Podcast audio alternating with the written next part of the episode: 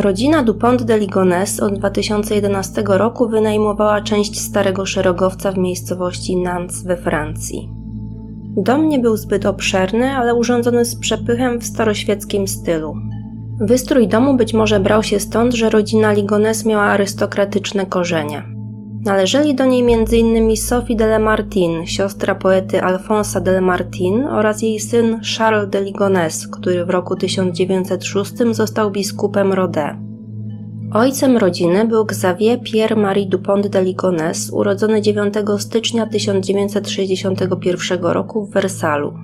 Xavier od wielu lat prowadził własną działalność gospodarczą. W ciągu życia stworzył kilka firm, które przynosiły głównie straty. Ich działalność polegała m.in. na tworzeniu i obsługiwaniu systemu lojalnościowego dla klientów restauracji, czy też tworzeniu przewodników po hotelach i restauracjach, które skierowane były do podróżujących sprzedawców. Pomimo, że Xavier nie osiągał sukcesów w życiu zawodowym, przez znajomych opisywany był jako osoba bardzo towarzyska, spokojna i ponad wszystko kochająca rodzinę. Matka Agnes urodziła się 9 listopada 1962 roku na przedmieściach Paryża. Była asystentką w katolickiej szkole w Nantes, gdzie część jej obowiązków polegała na nauczaniu katechizmu. Opisywana była jako osoba bardzo religijna, życzliwa, ale surowa wobec uczniów. Razem ze swoimi dziećmi regularnie brała udział w nabożeństwach kościelnych. Małżeństwo wychowywało czwórkę dzieci. Najstarszy Arthur urodził się 7 lipca 1990 roku. Jego ojcem nie był Xavier, ale Arthur został przez niego adoptowany w wieku dwóch lat zaraz po ślubie Agnes i Xaviera. Arthur był bardzo uzdolnionym młodym mężczyzną. Studiował informatykę w prywatnym koledżu San Gabriel w Wandea mieszczącym się godzinę jazdy od Nantes. Pracował też dorywczo jako kelner w jednej z pizzerii znajdujących się w rodzinnej miejscowości. Młodszy syn Toma urodził się 28 sierpnia 1992 roku. W wieku 17 lat zdał maturę. Pasjonował się muzyką i studiował ją na Katolickim Uniwersytecie Zachodnim w Angers. Mieszkał w akademiku, a przez znajomych opisywany był jako zwyczajny, aczkolwiek trochę zamknięty w sobie chłopak. Jedyna córka Anne urodziła się 2 sierpnia 1994 roku. W momencie tragicznych wydarzeń była w 11 klasie, a przedmiotem jej zainteresowań były nauki ścisłe. Ann była opisywana przez przyjaciół i krewnych jako osoba bardzo uprzejma i religijna. Najmłodszy syn, Benoit, urodził się 29 maja 1997 roku. Według jego przyjaciół i kolegów z liceum był popularny i miał spore powodzenie u dziewcząt. Benoit w wolnym czasie udzielał się w kościele jako ministrant. Do rodziny należały też dwa zwierzaki psy rasy Labrador. Wydarzenia, które były częścią tragedii, miały miejsce na przełomie marca i kwietnia 2011 roku. Niestety chronologii wszystkich zdarzeń nie znamy. Przedstawię Wam teraz informacje, których po przeprowadzonym śledztwie jesteśmy pewni. 1 kwietnia 2011 roku, był to piątek, najstarszy syn Arthur po zakończonych zajęciach udał się do domu. Tego dnia Arthur był umówiony z szefem pizzerii, w której pracował. Miał odebrać comiesięczną pensję. Wydawana ona była pracownikom zawsze pierwszego dnia miesiąca, a Arthur z reguły odbierał pieniądze tak szybko, jak było to możliwe, jednak tego dnia nie pojawił się w pizzerii. Właściciel był trochę zdziwiony tym faktem, ale pomyślał, że widocznie chłopakowi wypadło coś ważnego i że pewnie zgłosi się po pieniądze w ciągu kilku następnych dni. Niestety tak się nie stało. Poza zniknięciem Artura zauważonym przez szefa pizzerii, przez kilka kolejnych dni sąsiedzi ani znajomi rodziny nie zauważyli niczego szczególnego. W niedzielę 3 kwietnia kilku świadków widziało Xaviera i Agnieszkę z trójką pozostałych dzieci. Cała piątka zjadła posiłek w restauracji, a następnie udała się do kina. Przesłuchiwani po czasie świadkowie nie przypominali sobie niczego nietypowego w zachowaniu rodziny. Wiemy, że gdy cała rodzina wróciła z kina, Xavier o godzinie 22.37 zadzwonił do swojej siostry Christine. Ponieważ kobieta nie odebrała, Xavier nagrał wiadomość na poczcie głosowej. Brzmiała ona następująco. Spędziliśmy niedzielny wieczór razem w kinie, a potem w restauracji i właśnie wróciliśmy. Dzwonię, by zapytać, czy nie jest za późno na rozmowę, ale widzę, że włączyła się poczta głosowa. Ale Byłem zaskoczony. Mówiłaś mi o Bertramie, który przygotowuje się do lotu. Myślałem, że dopiero co przyjechał, więc byłem trochę zdziwiony. każdym razie pozdrawiam cię. Jeśli nie jest za późno, odzwoń lub wyślij mi SMS-a, a ja odzwonię. Okej, idę położyć dzieci do łóżka. Pozdrów wszystkich. Do zobaczenia wkrótce, może. Zapis autentycznego nagrania dostępny jest w internecie. W opisie filmu znajdziecie link do materiału. Po odsłuchaniu wiadomości wydaje się, że głos Xaviera jest zupełnie naturalny i nie można odnieść wrażenia, że z rodziną mogło w tym czasie dziać się coś niepokojącego. Jedyną wątpliwość wzbudzają ostatnie słowa, czyli do zobaczenia może. W kontekście późniejszych wydarzeń brzmią one dosyć złowrogo, ale można uznać, że wypowiadając je Xavier mógł mieć na przykład na myśli to, że nie będzie miał okazji widzieć się z siostrą w najbliższym czasie, a jedynie będą mogli skontaktować się na przykład telefonicznie. Trudno więc jednoznacznie stwierdzić, co konkretnie oznaczały te słowa. 4 kwietnia, w poniedziałek, w szkole nie pojawili się Anne i Benoit. Szkoła otrzymała informację, że dzieci są chore. Ich znajomi próbowali się z nimi skontaktować poprzez SMS-y i wiadomości internetowe, jednak bezskutecznie. W tym dniu Xavierowi i jego siostrze udało się porozmawiać przez telefon. Rozmowa trwała w sumie 20-30 minut. Dokładnej treści rozmowy nie udało mi się ustalić, ale wiadomo, że dotyczyła ona zwykłych, codziennych, rodzinnych spraw. Jej treść w żaden sposób nie zaniepokoiła siostry Xaviera. Tego dnia świadkowie widzieli również Xaviera z Toma w ekskluzywnej restauracji w Avrie niedaleko Angers. Dwaj kelnerzy pamiętają, że chłopak pod koniec posiłku poczuł się niedobrze oraz że w trakcie pobytu w restauracji syn i ojciec praktycznie ze sobą nie rozmawiali. 5 kwietnia, wtorek. Tego dnia do domu rodziny zapukał komornik. Chciał odzyskać od Ksawiera dług w wysokości 20 tysięcy euro, ale nikt nie otworzył drzwi. Komornik wycofał się więc, licząc, że uda mu się skontaktować z Ksawierem innego dnia. Tomas spędził wtorkowe popołudnie w domu przyjaciela w Angers, gdzie razem ćwiczyli grę na instrumentach muzycznych oraz oglądali telewizję. Chłopak chciał spędzić noc u przyjaciela, jednak Xavier zadzwonił do syna, aby jak najszybciej wracał do domu, ponieważ jego matka uległa wypadkowi w trakcie jazdy na rowerze. Tomasz zjadł więc szybko kolację u kolegi, a następnie udał się do domu około godziny 22. Do dzisiaj nie wiemy, co konkretnie działo się w dniach 4 i 5 kwietnia. Sąsiedzi rodziny zeznali, że w tych dniach nie widzieli niczego szczególnego. Nie przypominają też sobie, by widzieli którekolwiek z dzieci Ligonesów. Jedyną zauważalną nietypową rzeczą było intensywne szczekanie i wycie psów, które ucichło 5 kwietnia. 6 kwietnia kolega Toma próbował skontaktować się z nim telefonicznie, chcąc zapytać o stan jego matki. Toma nie odbierał jednak telefonu. Przyjaciel chłopaka otrzymał jednak od niego krótkie SMSy informujące o tym, że nie przyjdzie do szkoły, ponieważ jest bardzo chory. Kolejnego dnia kolega otrzymał też SMS-a, w którym Toma informował, że ma problemy z naładowaniem telefonu, a ojciec będzie mu musiał kupić nową ładowarkę. Również 6 kwietnia dziewczyna Artura, zaniepokojona brakiem kontaktu, zapukała do drzwi jego rodzinnego domu. Zauważyła, że w jednym z pomieszczeń na pierwszym piętrze paliło się światło, jednak nikt nie otworzył drzwi. Dziewczynę zdziwił fakt, że nie było słychać ujadania psów, które miały w zwyczaju szczekać w momencie, gdy ktoś pukał do domu. Wiemy, że po 4 kwietnia nie było już bezpośredniego kontaktu z żadnym z dzieci państwa Ligones. Jeśli chodzi o Agnies, zeznania świadków dotyczące tego, kiedy widziano ją po raz ostatni, są niestety dość rozbieżne. Jeden z sąsiadów twierdzi, że nie widział kobiety od niedzieli 3 kwietnia. Kilku innych świadków twierdzi natomiast, że widziało kobietę w kolejnych dniach. Jeden z pracowników zakładu fryzjerskiego miał widzieć ją idącą chodnikiem rozmawiającą przez telefon około godziny 12.15 5 kwietnia.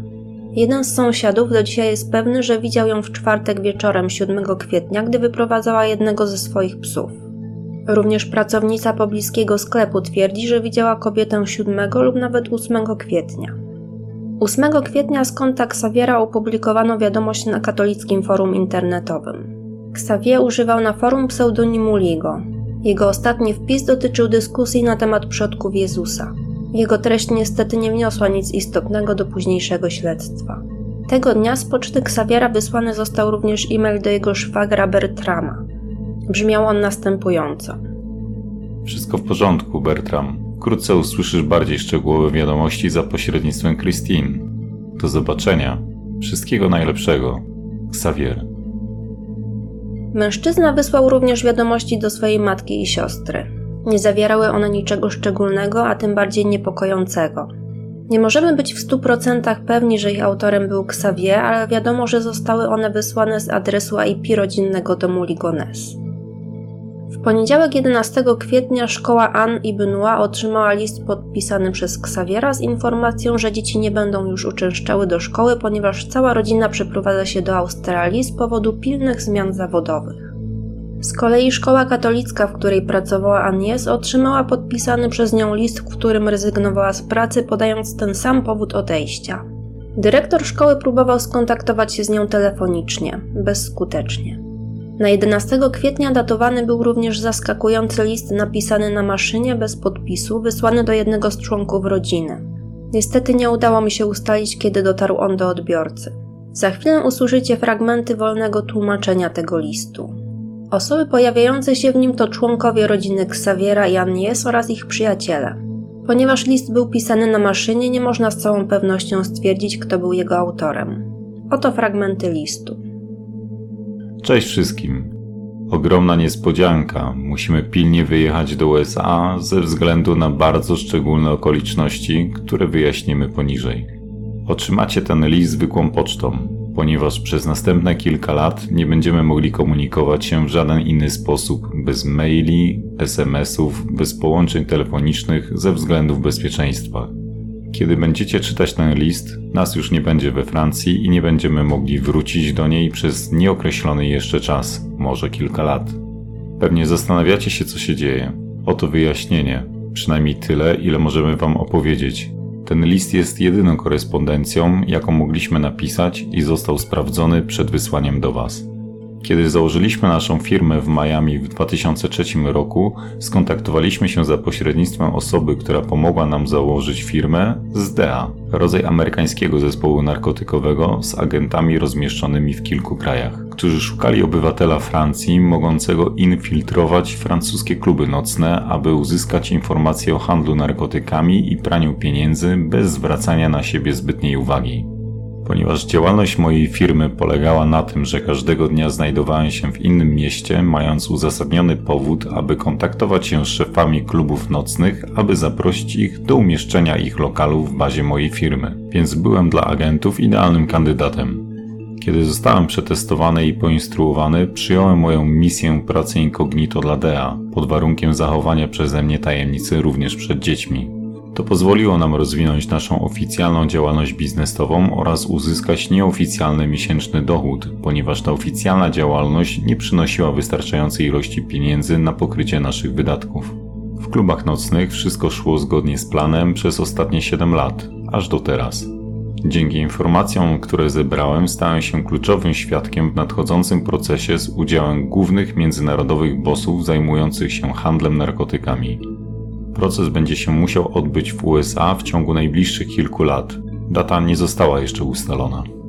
Sprawę komplikuje to, że niektóre poszlaki wskazywały, iż moja rola została zdemaskowana. Wczoraj otrzymaliśmy potwierdzenie tych przypuszczeń. Dlatego sytuacja stała się dla nas potencjalnie niebezpieczna i wymagała od nas podjęcia środków nadzwyczajnych. Kiedy rozpocząłem pracę pod przykrywką, zgodziłem się, że mogę zostać objęty federalnym programem ochrony świadków. To właśnie musimy teraz zrobić i nie robimy tego z podekscytowaniem, ale dlatego, że jest to konieczne i nie możemy tego obejść. Zostaliśmy więc objęci ochronną opieką rządu USA i przeniesieni do Stanów Zjednoczonych. Otrzymamy nowe tożsamości, które musimy utrzymywać w tajemnicy. Do czasu przeczytania tego listu będziemy oficjalnie już nie istnieć jako obywatele francuscy. Będziemy obywatelami USA, mieszkającymi w USA jak każdy inny obywatel USA, z wyjątkiem tego, że nie będziemy mogli komunikować się z naszą rodziną i przyjaciółmi przez czas nieokreślony, przynajmniej do czasu zakończenia procesu. Niesie to ze sobą pewne zalety i wady. Zalety absolutne bezpieczeństwo. Rząd USA dba o nas finansowo. Mieszkamy w USA, nie możemy powiedzieć wam gdzie, ale przez większość czasu jest ciepło, a muzyka jest dobra. Niedogodności. Nagłe, pośpieszne odejście w całkowitej tajemnicy bez możliwości uporządkowania naszych spraw. Długo nie będziemy mieć z wami kontaktu. Niemożliwe jest poinformowanie wszystkich, cała komunikacja elektroniczna musiała zostać natychmiast przerwana. Najtrudniejsza rzecz Jest trochę napięcia z dziećmi, które nie mogły powiedzieć swoim znajomym i nie mogą korzystać z Facebooka i innych portali internetowych, ale to naprawdę rozumieją. Musieliśmy zrezygnować z psów. Na szczęście ktoś zabrał je oba, żeby się nie rozdzieliły. Liczymy, że każdy z Was wykona zadanie, które Wam powierzymy. Mamy nadzieję, że nie poprosiliśmy o zbyt wiele. Wiemy, że możemy na Was liczyć. Cedric, przyjdź i usań to, co zostało w domu do 31 maja. Im wcześniej, tym lepiej. Zaczęliśmy sortować rzeczy, ale nie mieliśmy czasu na dokończenie. Moglibyśmy pozwolić Amerykanom załatwić wszystko, ale nie są zbyt dokładni i przypadłyby cenne meble, instrumenty muzyczne, samochody. 70% rzeczy można zabrać na wysypisko. Wszystkie łóżka, komody, pudełka do przechowywania i tym podobne. Meble, które warto zatrzymać, znajdują się w salonie, plus szafa, która została rozebrana w sypialni Artura i biurko w pralni. Reszta może pójść na wysypisko. Najbliższe to EcoPoint 3 km od domu, czynny do niedzieli w południe. Meble, które należy zachować, trzeba przekazać Lokmelo, czekając aż zostaną wysłane do brata Anies. Klucze do domu są ukryte na zewnątrz w gazomierzu, który można otworzyć dowolnym narzędziem, kluczykiem, śrubokrętem, nożem. Uwaga, niektóre kopie klucza do drzwi wejściowych są źle wykonane i musisz kręcić kluczem dookoła w zamku, aby drzwi się otworzyły. Udało nam się umieścić wszystko, co chcemy zachować, a czego w żadnym wypadku nie możemy zabrać ze sobą w sejfie, tak by móc odzyskać wszystko później. Są to przedmioty osobiste, zdjęcia, które mogą pokazywać nieamerykańskie życie, pamiątki, komputery, różne dokumenty, biżuteria, broni i tym podobne. Więc nie musisz nic pozostałego w domu sortować, po prostu wyrzuć wszystko lub zachowaj dla siebie jeśli chcesz. Poinformuj Alana i innych przyjaciół o naszym wyjeździe. Sprzedaj Golfa i Xantie, podpisane dokumenty znajdują się na stole w salonie i wyślij pieniądze ze sprzedaży minus 20% prowizji za Twoją usługę do Christine. Skontaktuj się z nią telefonicznie. Uwaga, Citroen C5 był niezbywalny, więc został przekazany ojcu jednego z przyjaciół Artura na części. Idź też do miejsc zamieszkania Artura i Tomasa, aby zrobić to samo. Właściciele są świadomi. Adresy i klucze znajdują się na stole w salonie. Prezenty dla Cedrika do podziału z Renault i innymi pomagającymi przyjaciółmi to piłkarzyki, pianino, telewizor i sprzęt wideo, kolekcja płyt CD-DVD, taśmy audio-wideo, instrumenty muzyczne, zestaw perkusyjny, gitara, fortepian oraz kilka innych rzeczy, które każdy może wziąć, lodówka, suszarka i tym podobne. PS. Nie musi się martwić o wykrywacz metalu lub kajak, który może tam pozostać, ani o gruz i bałagan zgromadzony na tarasie na końcu ogrodu i w piwnicy. To wszystko już tam było, kiedy się tam wprowadziliśmy. Bertrand, umów się z Cedriciem na odzyskanie cennych mebli, które mają być przechowywane. Są to pamiątki z rodziny Anies. Poinformuj całą rodzinę Anies. Emanuel, Anuluj kontrakty na prąd, gaz, telefon, wodę i internet. Dokumenty leżą na stole w salonie. Powiedz naszym przyjaciołom, Michel, Mark, Ludo i tym podobnym o naszym odejściu. Do Waszej wiadomości wszystkie listy adresowane do domu będą zwracane do nadawcy. Christine i Bertram, zarządzajcie kontami zgodnie z instrukcjami zawartymi w dokumencie dołączonym do tego listu. Ponad 4000 euro będzie co miesiąc przychodzić na różne konta, plus przychody ze sprzedaży wyżej wymienionych mebli. Frederick, poinformuj Weroniki i pomóż jej powiadomić resztę rodziny Ligones. Najlepiej byłoby wysłać jej kopię tego listu, gdy będzie w Wersalu. Ważne, powiedz młodzieży, aby nie ujawniała żadnej informacji na Facebooku i nie dziwiła się, jeśli dzieci nie odpowiadają na wiadomości od nich. To tyle w przypadku listy rzeczy do zrobienia. Szkoły dzieci są poinformowane, podobnie jak pracodawcy Anies i Artura. Oficjalna historia jest taka, że zostaliśmy przeniesieni do Australii do pracy, bez podawania żadnych konkretnych szczegółów. Byłoby dobrze, gdybyście mogli rozpowszechniać tę fałszywą historię na Facebooku i wszędzie indziej. Mamy nadzieję, że cała sytuacja nie potrwa więcej niż kilka lat, ale wciąż niepokoi nas, jak długo będzie trwać postępowanie sądowe w USA. Za jakiś czas będziemy mogli przesyłać Wam informacje pocztą. Wyznaczyliśmy Manuela jako centralny kontakt, ponieważ ma on tę zaletę, że zna prawie wszystkich. To on otrzyma listy, które zostaną do Was wysłane. Otrzyma instrukcje w odpowiednim czasie. Oczywiście wysyłamy całą naszą miłość i bardzo o Was myślimy podczas tego przymusowego rozdzielenia. Uważajcie na siebie. Będziemy mieli tyle historii do opowiedzenia później. Tak jak wspominałam, nie wiadomo kiedy dokładnie list dotarł do adresata, jednak o jego treści nie mieli pojęcia sąsiedzi rodziny. 13 kwietnia zaczęli się już poważnie niepokoić. Okiennice domu zamknięte były już ponad tydzień, a samochód Annie stał przez cały czas zaparkowany w tym samym miejscu przed domem. Zdecydowano się więc poinformować policję. 19 kwietnia policja wszczęła oficjalne śledztwo dotyczące zaginięcia rodziny. Śledczy skupili się na ustaleniu, co jej członkowie robili w ostatnich dniach przed zniknięciem. Zachowanie jednego z nich wzbudziło spory niepokój. Na podstawie zebranych informacji ustalono, że znana już wtedy policji wersja o programie ochrony świadków jest mocno naciągana, tym bardziej, że poczynania ojca rodziny sugerowały, że mogło stać się coś zdecydowanie gorszego. Oto co udało się ustalić. 12 marca Xavier dokonał zakupu nabojów do karabinu. Następnie zarejestrował się na strzelnicy na północ od Nantes, którą odwiedził cztery razy między 26 marca a 1 kwietnia. Po przeszukaniu domu odnaleziono paragon ze sklepu znajdującego się w Saint-Maur, około 320 km od Nantes. Paragon datowany był na koniec marca i zawierał kilka pozycji, m.in. duże worki na śmieci oraz opakowanie płyt chodnikowych z tworzywa sztucznego. W piątek 1 kwietnia Xavier zakupił cement, łopatę i motykę. Następnego dnia mężczyzna kupił 40-kilogramowe worki wapna, każdy w innym sklepie w okolicy Nantes. Przesłuchani sąsiedzi twierdzili, że 7 kwietnia widzieli Ksawiera wkładającego kilka dużych toreb do swojego samochodu Citroena C5. Tuż przed swoim zniknięciem Ksawie zamknął wszystkie konta bankowe, wypowiedział umowę dzierżawy domu, a na skrzynce na listy umieścił napis Proszę odesłać całą pocztę do nadawcy. Dziękuję. Udało się też ustalić, że Xavier spędził noc z 11 na 12 kwietnia w hotelu w Blagnac niedaleko Toulouse. Za pobyt zapłacił kartą kredytową. Pracownicy widzieli, jak 12 kwietnia odjechał spod hotelu swoim Citroenem. Noc z 12 na 13 kwietnia mężczyzna spędził w hotelu w Vaucluse w południowo-wschodniej Francji. W recepcji podał fałszywe nazwisko Laurent Xavier, ale za pobyt również zapłacił kartą kredytową. 14 kwietnia Xavier pobrał 30 euro z bankomatu w miejscowości Roquebrune-sur-Argon w departamencie Var w południowo-wschodniej Francji. Tego wieczoru spał w hotelu w tym samym mieście i został uchwycony na filmie przez kamerę monitoringu. Jest to ostatni znany zapis wizerunku Xaviera. W tym momencie ślad po mężczyźnie się urywa. Xavier porzucił swoje auto przed hotelem i zniknął jak kamień w wodę. Ustalenia śledczych były bardzo niepokojące. Wszystko wskazywało na to, że Xavier mógł zamordować członków najbliższej rodziny. Jeśli tak się jednak stało, to gdzie były ciała? Policja rozpoczęła intensywne przeszukiwanie terenu wokół domu.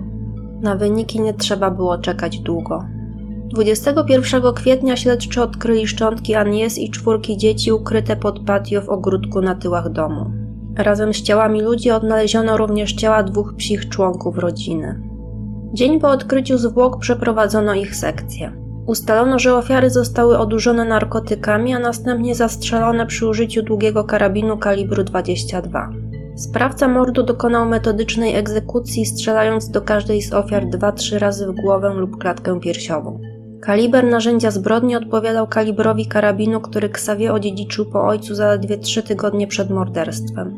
Prokuratura dość szybko doszła do jednego wniosku. Xavier Dupont de Ligonnès zamordował swoją żonę i troje dzieci prawdopodobnie w nocy z 3 na 4 kwietnia, zaś kolejnego dnia syna Thomas. Następnie wykopał pod tarasem kilka dołów, do których wrzucił ciała bliskich wraz z ciałami psów.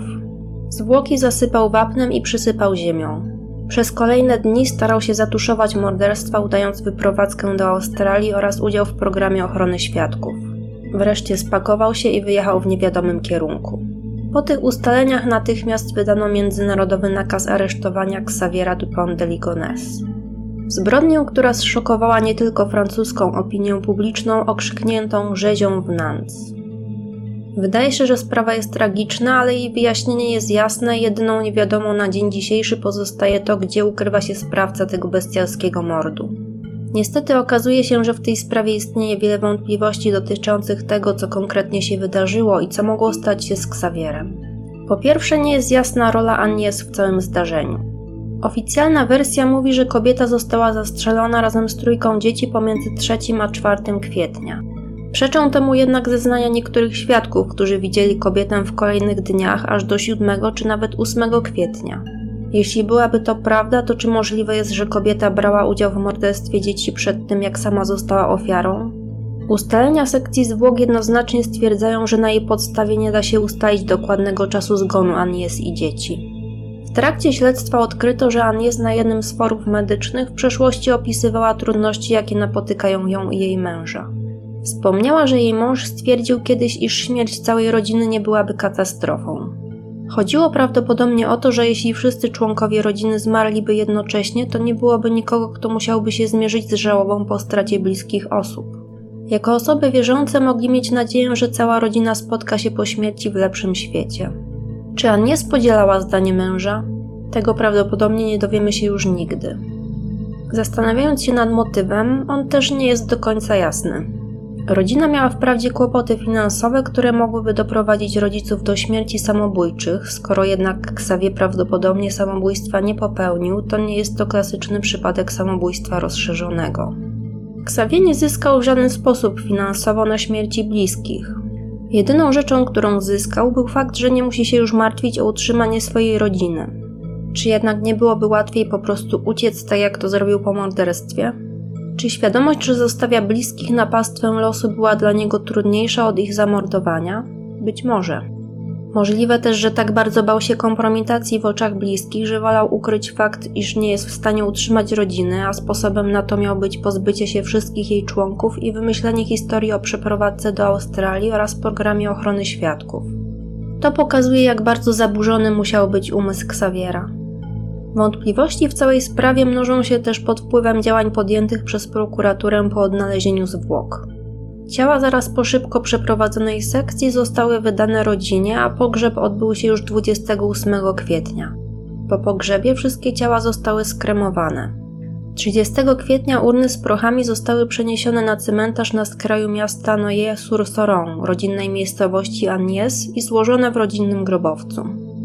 Nikt z rodziny przed pogrzebem nie oglądał zwłok, ponieważ śledczy odradzali im tego. Obecnie rodzina ma im to za złe, mając wątpliwości, czy wydobyte ciała na pewno należały do ich bliskich. Wątpliwości z czasem narastały, a w chwili obecnej rodzina sądzi, że wersja o programie ochrony świadków może jednak być prawdziwa, a ciała znalezione w domu Ligonesów zostały tam podrzucone, lub nawet, że cała historia o ich odnalezieniu została sfabrykowana. Oczywiście śledczy absolutnie wykluczają taką możliwość, chociaż trzeba przyznać, że jeśli rodzina ma rację, to przecież nikt nie mógłby tego i tak oficjalnie potwierdzić. W każdym razie policja od początku trzyma się wersji o zabójstwie, a śledztwo stara się ustalić, co stało się z Ksawierem. Zaraz po odkryciu ciał śledczy rozpoczęli szeroko zakrojone poszukiwania mężczyzny. Przeszukano m.in. kompleks 40 jaskiń znajdujących się w promieniu 15 km wokół Roquebrun-sur-Argon. Nie odnaleziono jednak jakiegokolwiek śladu zaginionego. Niektóre poszlaki wskazywały, że Xavier mógł udać się na terytorium Niemiec. Przed swoim zniknięciem próbował odzyskać kontakt z kilkoma starymi przyjaciółmi, m.in. z niejaką Klaudią, Niemką, z którą Xavier był w przeszłości w bardzo bliskich stosunkach. Kobietę odnaleziono w 2013 roku, ale jej przesłuchanie nie wniosło nic nowego do akt sprawy. Istnieje też możliwość, że Xavierowi udało się zbiec poza granice Europy. Jednym z jego współpracowników był w przeszłości niejaki Gerard Corona, francuski imigrant mieszkający w Stanach Zjednoczonych, prowadzący firmę specjalizującą się w pomocy cudzoziemcom w załatwianiu procedur administracyjnych i prawnych w Stanach Zjednoczonych. Działalność firmy polegała też na balansowaniu na granicy prawa, Korona pomagał klientom w rejestrowaniu firm w tzw. Tak rajach podatkowych, a także w otwieraniu zagranicznych kont bankowych i uzyskiwaniu anonimowych kart płatniczych pozwalających na wypłacanie pieniędzy w dowolnym miejscu na świecie bez pozostawiania śladu. Teoretycznie Xavier mógł również skorzystać z takich usług. Korona twierdzi, że Xavier nie kontaktował się z nim przed ani tym bardziej po morderstwie. Trzeba jednak przyznać, że ze względu na prowadzoną przez niego działalność jest on dość mało wiarygodną osobą.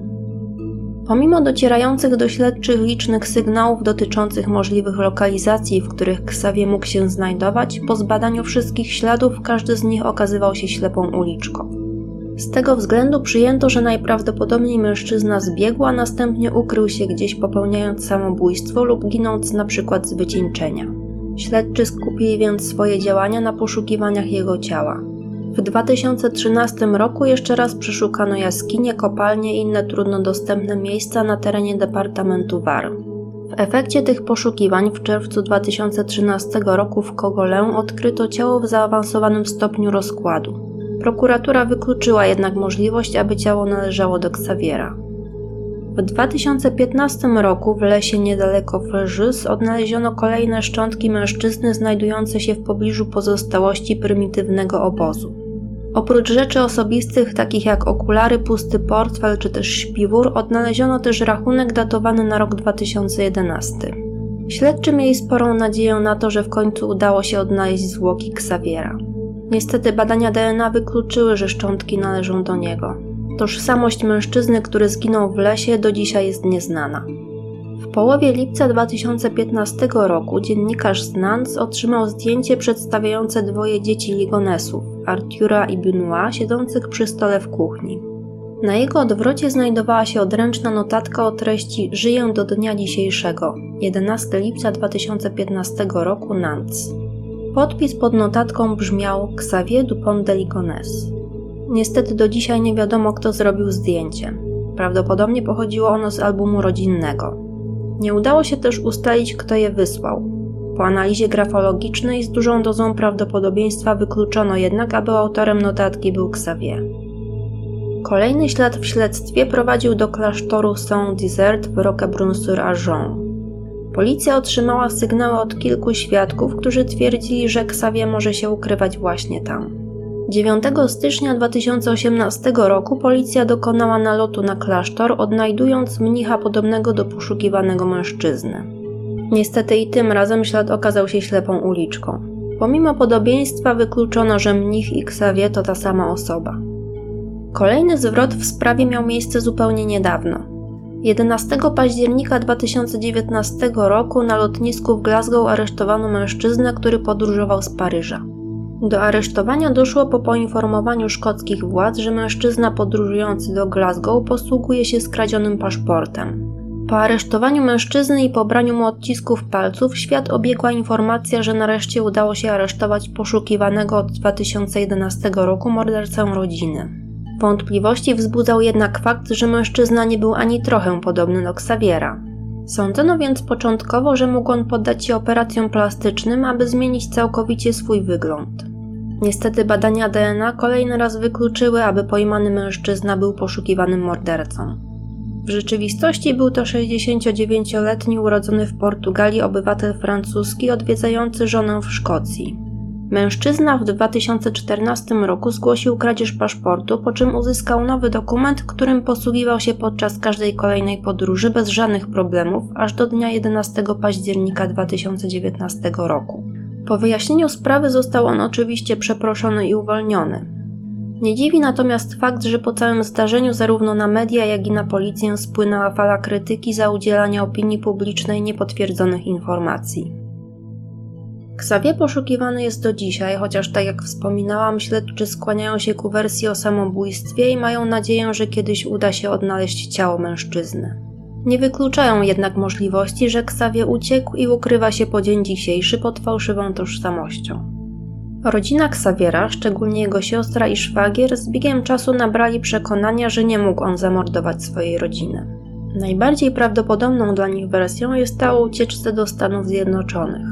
Założyli oni blog, na którym publikowali treści mające potwierdzić ich teorie, m.in. zeznania świadków znających Xaviera, którzy nie mogli uwierzyć, że ten przemiły, kochający rodzinę mężczyzna byłby w stanie dokonać tak potwornej zbrodni. Według siostry Xavier miał poważne problemy z kręgosłupem, co według niej uniemożliwiałoby samodzielne wykopanie dołów pod tarasem i umieszczenie w nich ciężkich ciał. Jeśli ktoś z Was chciałby poznać więcej szczegółów, to link do bloga znajdziecie w opisie filmu. Do wizerunku kreowanego przez rodzinę Xaviera nie do końca pasują ustalenia śledczych. Istnieją osoby, które twierdzą, że Xavier posiadał też drugą mroczną twarz. Jeden z mężczyzn zeznał, że Xavier groził mu kiedyś śmiercią, jeśli nie odda mu zaciągniętego niegdyś długu. Jak już wspomniałam, Xavier udzielał się na forum katolickim. Okazuje się, że kilka razy został z niego usunięty za niestosowne, agresywne wpisy. Kilka razy wracał jednak na forum pod zmienionym pseudonimem. Link do historii wpisów publikowanych pod jego ostatnim nickiem możecie również znaleźć w opisie filmu. To już wszystko, co wiem o tej sprawie. Ciekawa jestem, co wy o niej myślicie i jakie są wasze teorie na temat tego, co stało się z Xavierem. Dajcie mi proszę znać w komentarzach i pamiętajcie, aby mieć oczy otwarte, ponieważ istnieje cień szansy na to, że kiedyś możecie spotkać na swojej drodze Xaviera ukrywającego się pod fałszywą tożsamością. Pozdrawiam Was wszystkich serdecznie, zachęcam do subskrybowania kanału i do usłyszenia.